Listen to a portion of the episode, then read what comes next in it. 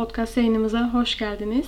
Bugün sizlerle sizlerin isteğiyle gelen bir olaydan konuşacağız. Ve gerçekten çok gizemli. Hatta nasıl oldu bilmiyorum ama benim de daha önceden duymadığım bir olaydı. O yüzden daha böyle bir heyecanla araştırdım. Sonu da bana da sürpriz oldu. Eminim sizler de beğenerek dinleyeceksiniz. Çok fazla uzatmadan hemen başlamak istiyorum. Bugün sizlerle 1959 yılına gidiyoruz ve dediğim gibi ben sadece Amerika'dan olan olayları işlemek üzerine yoğunlaşmayacağım için farklı ülkelerden olayları işleyeceğimi söylemiştim ve bugün sizlerle Rusya'ya gidiyoruz. 1959 yılında Rusya'da yaşanan bir seri cinayetlerden ya da ölümlerden konuşacağız bugün sizlerle. Tam anlamıyla cinayet diyemiyorum çünkü bu olay şu günlerde bile hala gizemini koruyan bir olay ve yaşanan gelişmelerde maalesef bu olayın çözülmemesi için her türlü imkanı o anki yetkililere sağlamış ya da yetkililer bunu sağlamış. Bunların hakkında çeşitli teoriler var zaten. Olayın sonlarına doğru sizlerle onları da konuşacağız. Olay şu ki 1959 yılların başlarında bir grup üniversiteli dağcı, yürüyüşçü, artık İngilizce adıyla o hikers dedikleri bir grup üniversiteli öğrenci Batı Sovyetler Birliği bölgesinde bulunan Ural dağlarında yürüyüşe, tırmanışa çıkmak için yola çıkıyorlar. Ve bu grup aynı zamanda Sibirya'nın vahşi doğasını iyi bilen 10 kişiden oluşuyor. 8'e erkek, 2 kadın var bu grupta. Fakat maalesef bu macera onların çıktıkları son macera olacak. Öyle ki bu onlar için bir tatil değil, bir çeşit misyonları var aslında ve ulaşmak istedikleri de sadece bir nokta olarak hedef değil. Zaten her birinin ikinci seviye yürüyüş sertifikaları var. Yani aynı zamanda bu işi profesyonelce yapıyorlar ve bu planın sonunda da hepsi üçüncü seviye sertifikalarını alacaklar ki bu da o zamanların gerçekten en yüksek seviyede olan dağcılık sertifikası, tırmanış sertifikası. 306 kilometrelik bir yürüyüşün ardından alacaklar bu sertifikayı ve gruptaki birçok kişi de Ural Teknik Üniversitesi'nden ya daha önceden mezun olmuşlar ya da hala orada okuyorlar ya da mezun olmak üzereler. Sonrasında onlar hakkında yapılan bütün o araştırmalar, onların arkalarında bıraktıkları fotoğraflar ve günlüklerde maalesef bu olayın yarım yüzyıldır çözülmesi için hiçbir şekilde fayda sağlayamamışlar.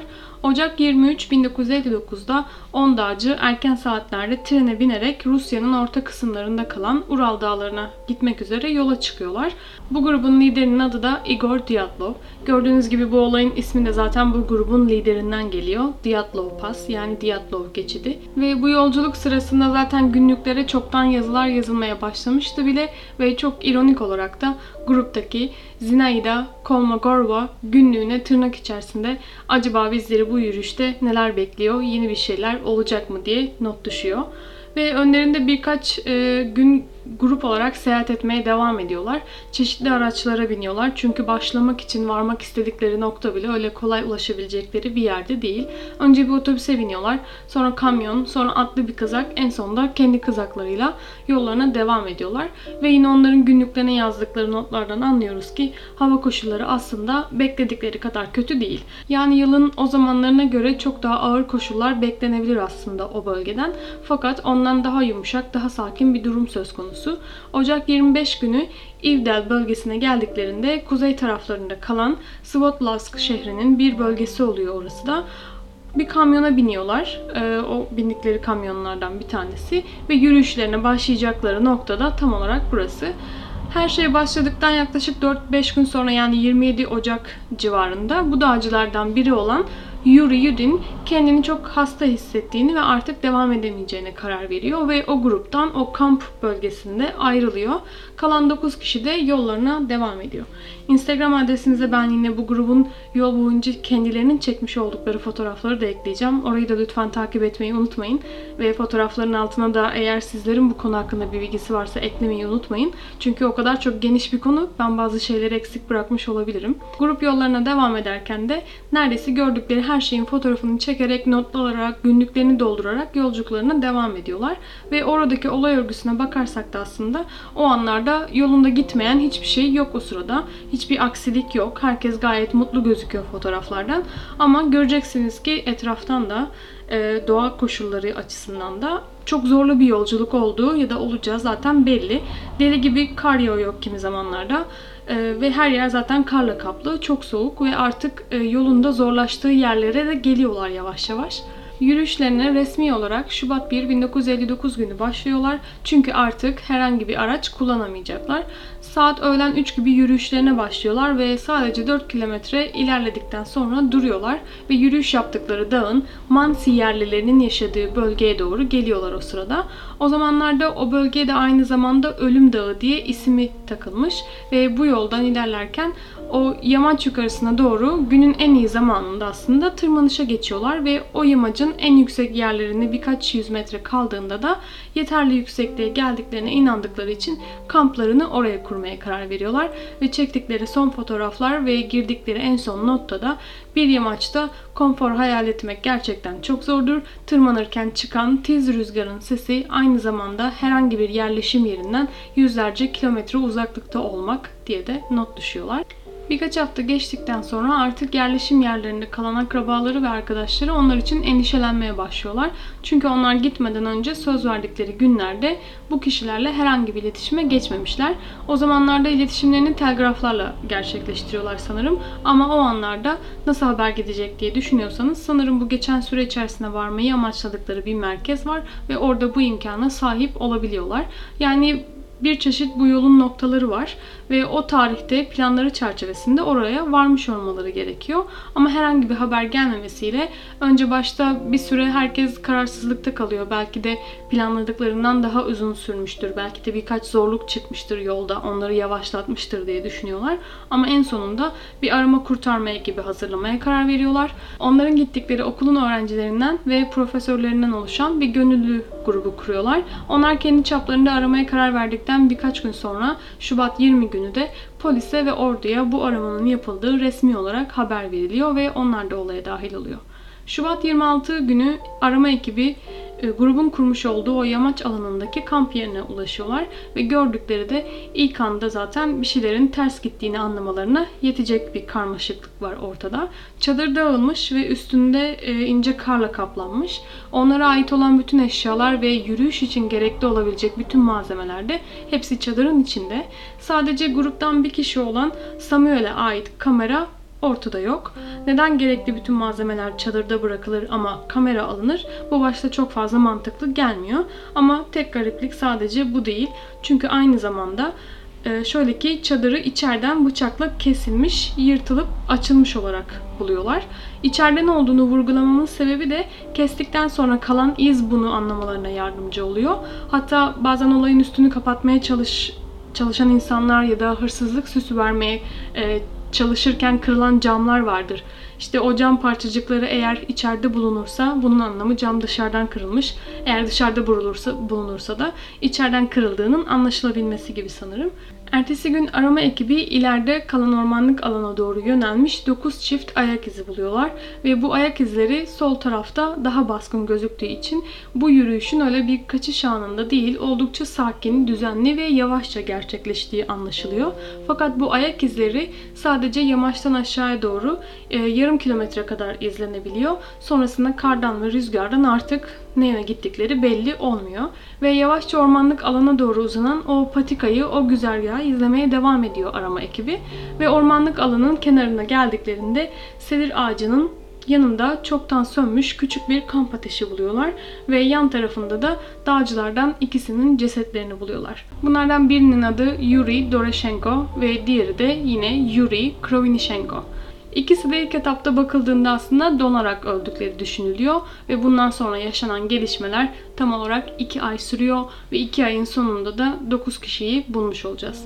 İlk olarak buldukları bu iki erkek cesedinin çok ilginç bir şekilde üzerlerinde iç çamaşırlarından başka herhangi bir kıyafetleri olmadığı görülüyor. Yani sadece ince bir atlet e, ve ince bir çorap var ve iç çamaşırları var. Tabii ki de hava şartları düşünüldüğünde bu hiç de mantıklı bir durum değil. O soğukta o şekilde nasıl dışarıya çıkarsın? Tabii arama ekibi etrafta kıyafetlerini aramaya başlıyor fakat hiçbir şekilde bulunamıyor. Bu şekilde kaçtıkları düşünülüyor o yüzden. Ama ayak izlerine bakarsanız da zaten bir şeyden kaçar gibi hareket etmemişsiniz. Neden üstünüze kıyafetinizi ya da en azından ceketinizi ya da ayakkabınızı alarak çıkmazsınız? O da çok enteresan. Öldükleri düşünüldükleri anlarda aslında hava sıcaklığının eksi 30 derece olarak ölçülmüş. Bu durumda şöyle bir getirisi var ki eğer vücut sıcaklığının giderek düştüğü ve bunu artık kontrol edemediğin anlarda bu beyninin sana oynadığı bir oyun, bir yanılsama da olabilir. Ee, siz bunu kendinizi yanıyormuşçasına sıcak olduğunu düşünebiliyorsunuz ve belki de bu yüzden kıyafetlerinizi çıkardınız. Çünkü donduğunuz için aslında çok sıcak olduğunu düşündünüz. Ama yanlarında dediğim gibi herhangi bir çıkardıkları kıyafetler ya da başka ayakkabıları falan o anda bulunamıyor. Ayrıca yanlarında bulunan sedir ağacının birinin de ağacın alt dallarını tırmanmaya çalıştıklarını gösteren izler var. Çünkü 5 metreye kadar olan yükseklikteki o dallar kırılmış ve ikisinin de ellerinde ağaç kıymıklarından oluşan yaralar ve çok açık bir şekilde e, batanlar hala ellerinde bulunuyor. Belki de o karanlıkta kamp alanına doğru bakıp e, orada yanan bir ateşten ya da bir ışıktan nerede veya ne kadar uzaklıkta olduklarını tahmin etmeye çalışıyorlardı. Ya da birilerinden ya da bir şeyden saklanmak için tırmanmaya çalıştılar fakat başarılı olamadılar. Ya da o yaktıkları e, kamp ateşine kuru odun bulmak istediler. O yüzden yaptılar bilerek. Bunu tam olarak bilemiyoruz. Ve sonrasında aslında arama ekibinin geçtiği yollarda çadır ve bu sedir ağacının ortasında kalan mesafede diğer 3 dağcı belirli aralıklarla üzerleri birkaç santim karla kaplanmış bir şekilde bulunuyorlar. Bir önceki iki dağcıya göre onların üzerlerinde daha fazla kıyafet var. Fakat yine de o sıcaklıkta giyinilmesi gerektiği gibi değil. Hatta hiçbirinin ne botları ne eldivenleri, montları ya da şapkaları üzerlerinde değil ve buldukları andaki uzanışlarından hepsinin baş tarafları kamp alanına doğru çevrilmiş yani geri dönmeye çalıştıklarını gösteren bir durumları var ortada. Bulunan 5 kişinin de ufak tefek yaraları var fakat hiçbiri ölümcül değil ve onların hepsinin ölüm sebebinin de otopside hipotermiya yani vücut ısısının düşüşüne bağlı olarak donarak öldükleri anlaşılıyor. Ve 4 kişi de belirli olan da e, alkol buluyorlar kanlarında. Zaten Ruslar vodkayı seven bir millet olduğu için belki de o sıcaklıkta ısınmak için içtiklerini düşünmek çok da garip değil ama söyledikleri bazı kaynaklarda da hiçbir şekilde toksik bir maddeye rastlanılmadığını hatta yanlarında tedavi amaçlı götürdükleri alkol şişesinin bile açılmamış halde bulunduğunu öğrendim. Hangisi ne kadar doğru bunu tam olarak bilemiyorum. Mayıs 5'te son 4 dağcı Küçük bir tepenin altında 3 metre kar tabakasının altından çıkarılıyorlar. Hem de dediğim gibi yaklaşık 2 ay sonra. Bu biraz erime meydana geldiğinde bulunabiliyor bunlar. Bu sedir ağacının 75 metre uzaklığında ve çadırların tamamen tersi yönünde bulunuyor bu kalan 4 kişi. Sanırım onların kamp alanına dönmek için bir çabaları olmamış ya da yönlerini bilmedikleri için karanlıkta belki de kaybolmuşlar. Bu dört dağcının üçünde ölümcül yaralar mevcut. Birinde kafatası kırığı var ve diğer ikisinde de kaburgalarının kırılma sonucu oluşan iç kanamaları. Otopsilerinin ardından gelen raporda böylesi kırılmalara sadece çok şiddetli bir araba kazasının yol açabileceği türden yaralanmaları olduğunu e, karar veriyorlar. Yani öyle güçlü bir şey olmuş ki sanki araba kazası geçirmiş gibiler. Ve bu yaralanmalar onlar hayattayken olmuş ve insan elinden çıkamayacak türde. Yani üzerlerinde herhangi bir baskıdan e, oluşan herhangi bir e, kırılma yok. Olaydaki her şey aslında şimdiden bile çok garip olsa da bu dörtlü grubun başına gelenler olayın tümünden daha da garip ve aslında olayın basit bir kayboluş sonrası gerçekleşen donluk, donarak ölümler olmaktan da tamamen farklı bir yöne ilerlemesine sebep oluyor. Şimdi vereceğim detaylar biraz rahatsız edici olabilir. Sizi baştan uyarıyorum. Öncelikle gruptaki kadın Yudmila Dubinina'da çok büyük ölçüde kaburga kırıklarının yanı sıra bazı yaralanmalar var ki gerçekten çok garipler. Öncelikle bu kadının dili yok yani dili koparılmış ya da kesilmiş hem de o hayattayken. Aynı zamanda gözleri de yerinde değil ve alt dudağının bir kısmı da koparılmış halde bulunuyor. Nasıl ve neden olduğu bilinmiyor. Çünkü hiçbir zaman bulunamamışlar ve bu soruşturmayı yapan, otopsi yapan doktorlar da bu konu üzerinde çok da düşünmemişler. O sırada yani o yüzden tam olarak nasıl olduğunu bilemiyoruz. Hayvan mı yedi yoksa bıçakla mı kesildi? O yüzden hiçbir zaman belirtilmemiş bu tarz detaylar ve çok da garip bir durummuş gibi gelmemiş sanırım onlara. Bir nevi açıklama yapmaya çalıştıklarında da bunun bir hayvan tarafından yapılmış olabileceğini düşünüyorlar. Üstelik o hayattayken olduğu düşünülüyor. Çünkü aynı zamanda Dubinina'nın midesinde bir kan kütlesi görülüyor. Demek ki olaydan sonra belirli bir miktarda kan yutmuş olabilir diye düşünüyorlar. Ama şöyle bir durum var ki zaten bu kişiler iç kanamadan dolayı ölüyorlar ve büyük ihtimalle zaten buna bağlı olarak midesindeki yemekle bu kan karıştığında daha fazla bir kan varmış izlenimi de yaratabileceği düşünülüyor aslında. Aynı zamanda gözlerinin olmaması ile ilgili yapılan açıklamada onun bedeni bulunduğunda eriyen karlardan ötürü fazlalaşan bir su seviyesi var orada bir nehir gibi bir şey var. E, oraya yüzü dönük bir şekilde bulunduğu için e, bir, bu yumuşak dokuda olan organlarımız göz ve dudağımızın alt kısmının o suda uzun zaman beklemesinden ötürü e, çürümüş olma ihtimali var. Ya da sudaki belki de hayvanlar tarafından yenilmiş olabileceği düşünülüyor ve üzerinde bulunan kıyafetlerden bazıları da ağaç altında bulunan ve neredeyse kıyafetsiz olarak bulunan arkadaşlarının kıyafetleri var onun üstünde. Ayaklarında onlardan birinin pantolonunu sarmış ve üzerinde yine aynı kişiye ait kahverengi bir süveter var. Ve çok ilginç ki bu süveterin de radyoaktif olduğu belirleniyor daha sonra. Yani radyasyona maruz kalmış bir kıyafetten bahsediyoruz. Bu dörtlü gruptaki bir diğer kişi olan Semyon Zolotaryov grubun içindeki en yaşlı kişi kendisi. 38 yaşında ve onun üzerinde de Dubinyana'nın kürklü ceketi ve şapkası var. Aynı zamanda kamerası hala boynunda. Dediğimiz gibi kamera bu kişiye aitti. Ve bu gruptaki neredeyse düzgünce giyinmiş olan iki kişiden biri kendisi.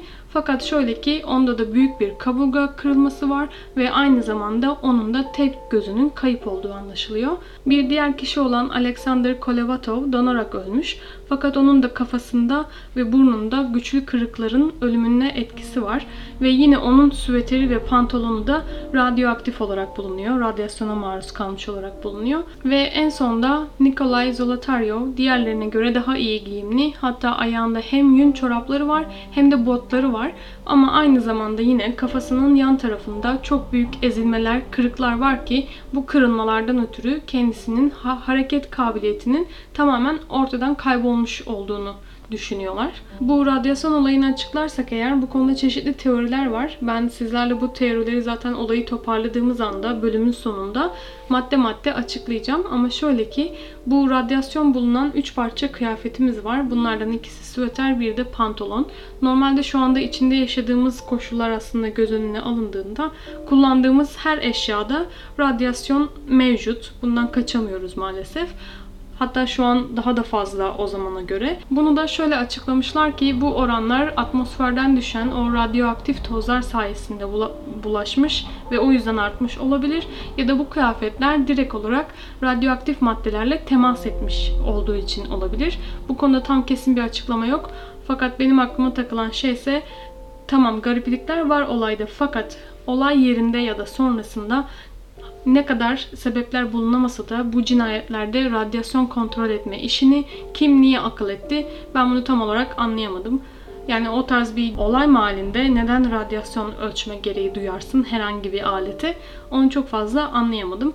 Eğer bu olayla bilgisi olan kişiler varsa ve bu benim kaçırdığım bir noktaysa lütfen onu da Instagram'da olay fotoğraflarının altına yorum olarak bırakabilirsiniz. Her ne kadar onlar raporlarında kesin olarak bir sebep bulamasalar da bu radyasyon oranının fazlalığı konusunda şöyle bir dedikodu bir şey var ki ortada.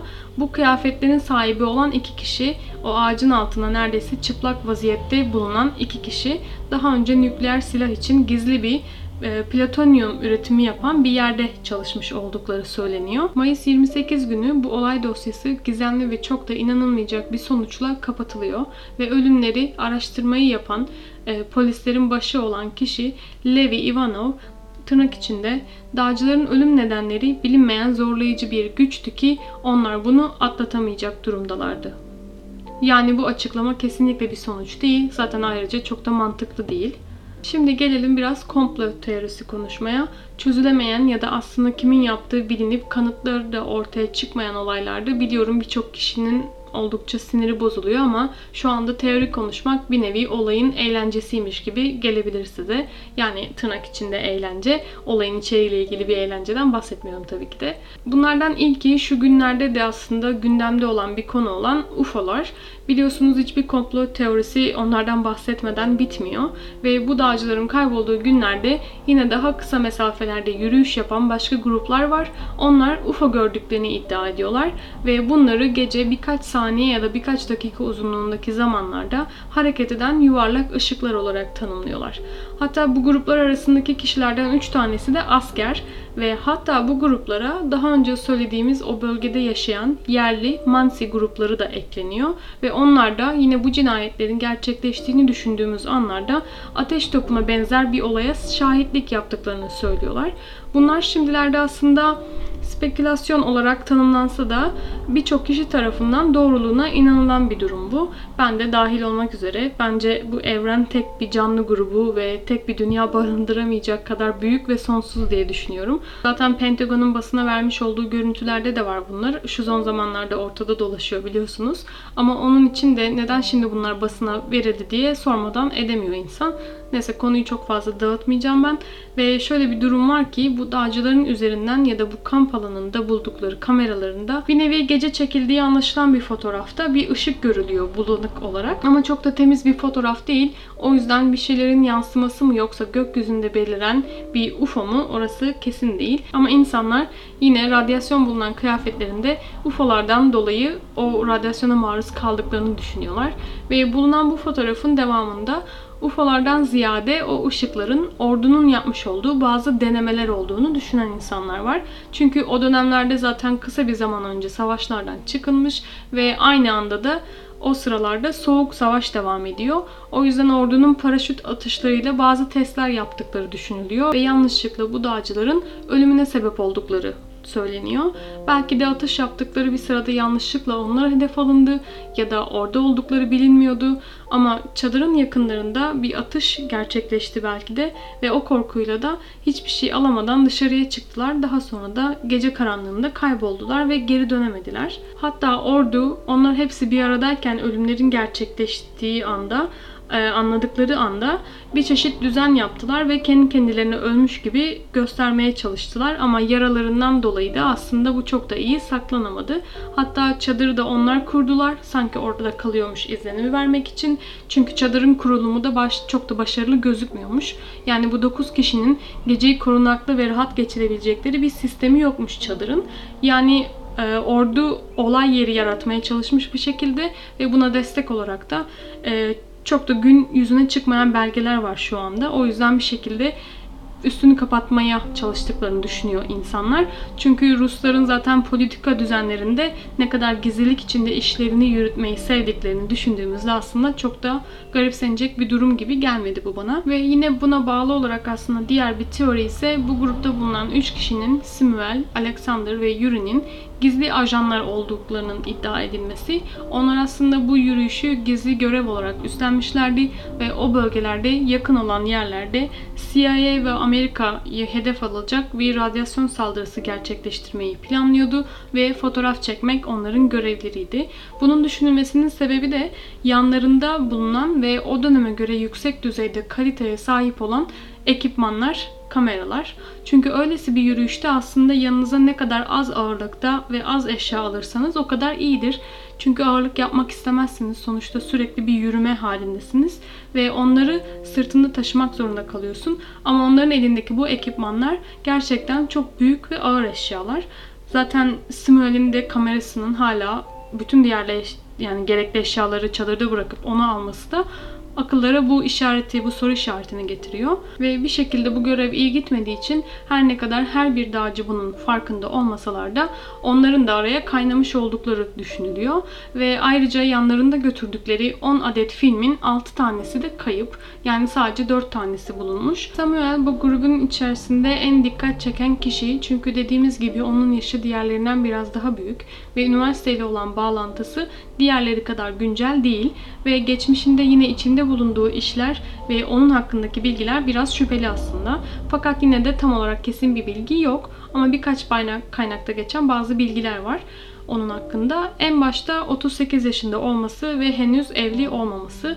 Şu dönem, şu dönemde çok fazla garip gelmeyebilir ama o dönem için biraz garip bulunmuş bu.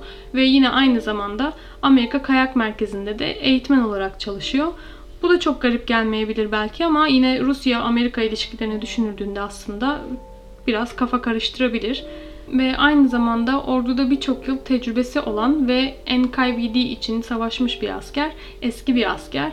Üniversitenin arşivlerinden alınan bazı bilgilere göre de kendisi Moskova'da çok çok gizli araştırma yürüten hatta ismi bile olmayan bir laboratuvarda asistan olarak görev yapmış. Hatta öyle ki kimse orada bulunan belgelerin tercümesini yapamayacak durumdaymış.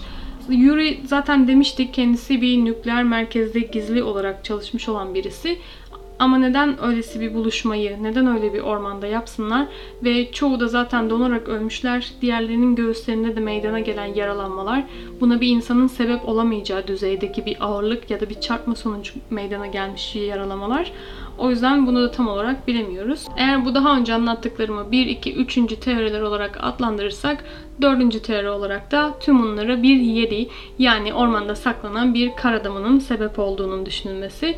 Böyle düşünülmesinin sebebi de o sıralarda bu tarz şeylerin aslında iddia edilmesi. Yani bu olayın dışında kalan bazı olaylarda o sıralarda insanların resmi raporlara geçecek düzeyde e, bu tarz varlıkların olduğundan bahsetmişler. Tabii ben bu duruma çok fazla inanamadım. Yani yeti olarak düşündüğünüzde bu çok da fazla mantıklı gelmedi ama bazen insanlar böyle yaşamayı tercih edebiliyorlar. Belki de çok uzun zaman önce dağlarda yaşamayı tercih etmiş birisi.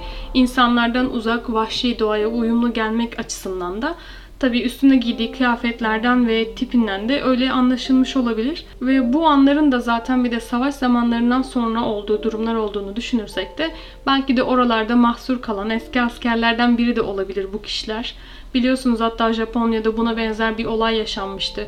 Savaş bittikten sonra bile uzun zaman yerinden ayrılmayan ve hala savaşın devam ettiğini düşünen ve korkusundan hiçbir şekilde ortaya çıkmayan bir asker vardı Japonya'da. Sonra bulunduğunda da hala inanamamıştı her şeyin normale döndüğüne. Ve yine o foto- bulunan fotoğrafların arasında bu durumu destekleyen bir fotoğrafın bulunması da bunun konuşulmasına sebep oluyor. Arka planda onların kameralarından kurtarılan fotoğraflarda arka planda böyle bir figür gözüküyor. Ama bunun o gruptan birinin tüm montları ya da ceketleri üstüne giyerek e, orada dolaştığı anda mı çekilmiş yoksa bunun gerçekten e, bir yetimi olduğunu anlamamız imkansız. O bölgede yaşayan yerliler olan Mansi gruplarından bir kişi bile olabilir bu.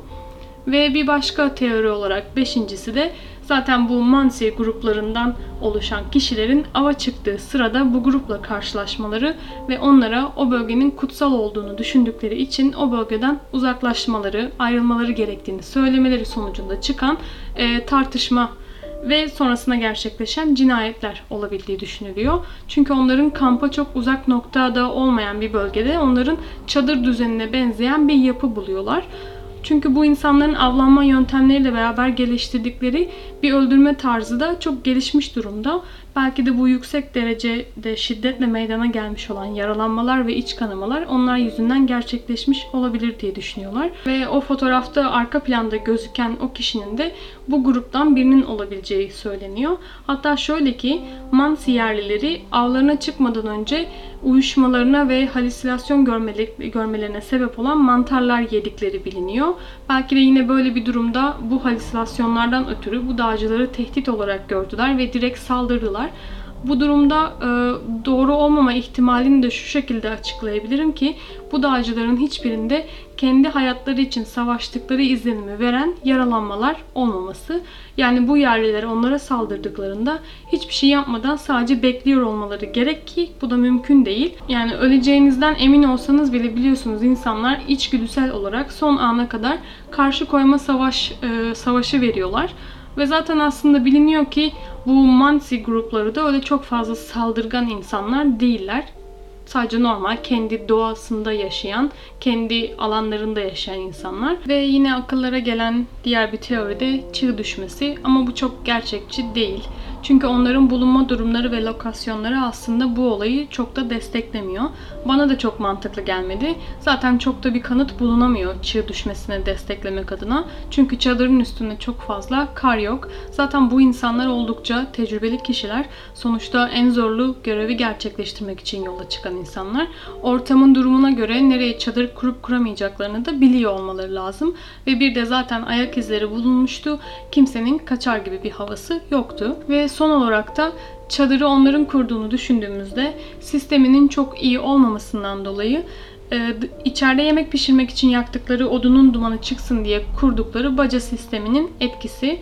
Çünkü henüz yemedikleri, ateşin üstünde kaldığı belli olan yemekler var çadırın içinde. Belki de içerisi ateşten ziyade dumanla doldu ve o yüzden çadırı içeriden kestiler ve hiçbir şeylerini almadan çıkma savaşı verdiler ve sonrasında etkilendikleri için de çok yavaş yürüyebildiler. Sonrasında belki karanlıkta kayboldular, belki de başka sığınacak bir yer aradılar fakat başarılı olamadılar ve sonra dönmeye çalıştılar.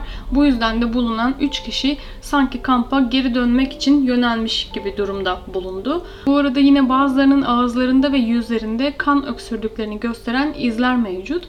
Bu duman zehirlenmesine maruz kaldıklarının göstergesi olabilir ve vücutlarının bazı yerlerinde islerden oluşan siyahlık, siyahlıklar ve küçük yanıklar var. Hatta çıkan fotoğraflardan birinde de çok bariz bir şekilde yandığı belli olan bir kavanla çekilmiş bir fotoğraf var. Bu fotoğraf sadece bir gün önce çekilmiş. Belki de o gün kazara bu ocaktan çıkan kıvılcımlar o ceketin yanmasına sebep oldu. Ama bu sefer de göğüs bölgesinde yaşanan ağır baskılar sonucu oluşan kırıklıkları açıklayamıyoruz. Bu bir öncekine son teori demiştim ama bir teori daha var aslında bu konu hakkında bana da en mantıklı gelen şey bu oldu diğerlerine oranla.